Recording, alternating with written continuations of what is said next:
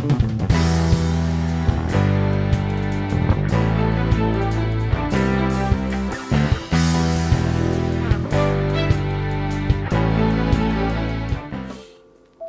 saudara yang dikasih Tuhan, apa kabarnya pada hari ini? Saya berdoa supaya kita semua tetap dalam keadaan baik, kita semua dalam keadaan sehat dan diberkati oleh Tuhan. Amin. Masih dalam hal kekhawatiran, saya ambil ayatnya di dalam Matius 6 ayat 26. Pandanglah burung-burung di langit yang tidak menabur dan tidak menuai dan tidak mengumpulkan bekal dalam lumbung, namun diberi makan oleh Bapamu yang di sorga, bukankah kamu jauh melebihi burung-burung itu?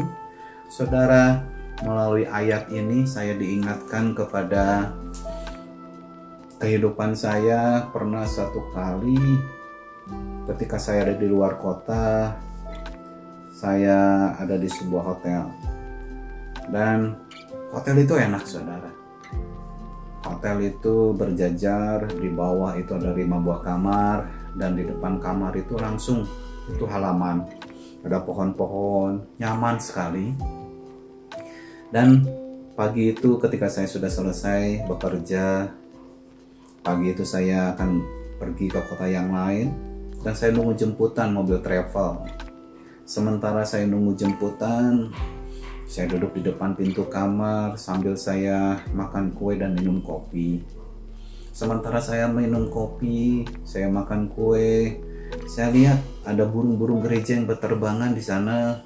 Mereka mencari-cari makanan di bawah, mematuk-matukkan paruh mereka.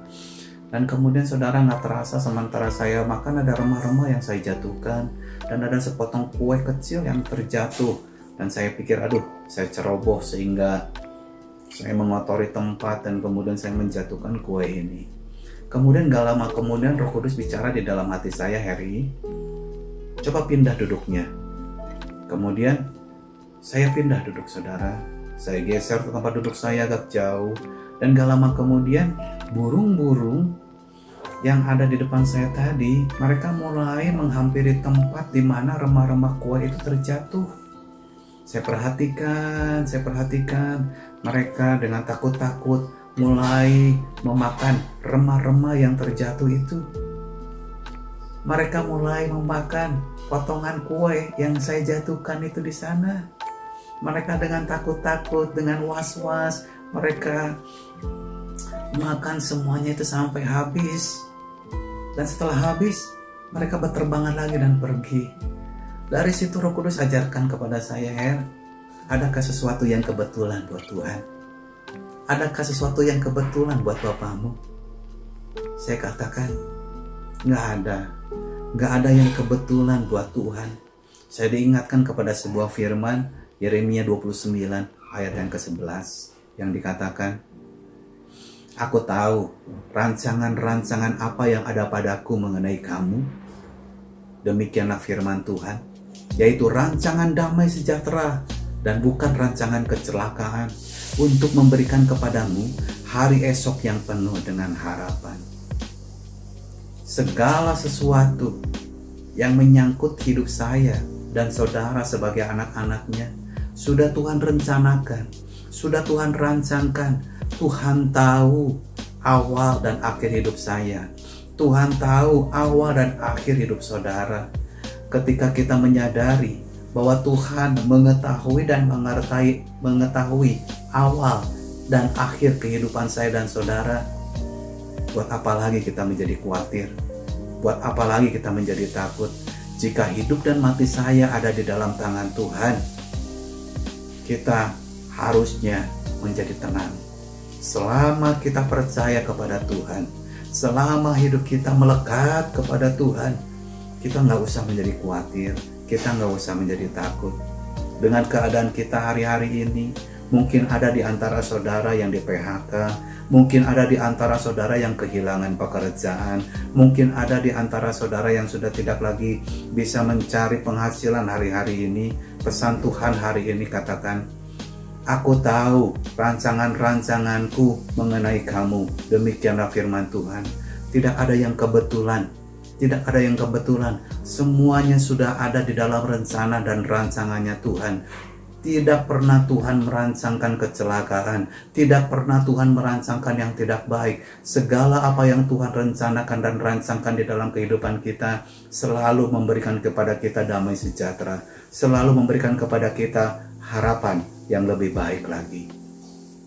Saudara dikasih Tuhan, dikatakan di sini, burung di udara saja diberi makan oleh Bapamu di sorga.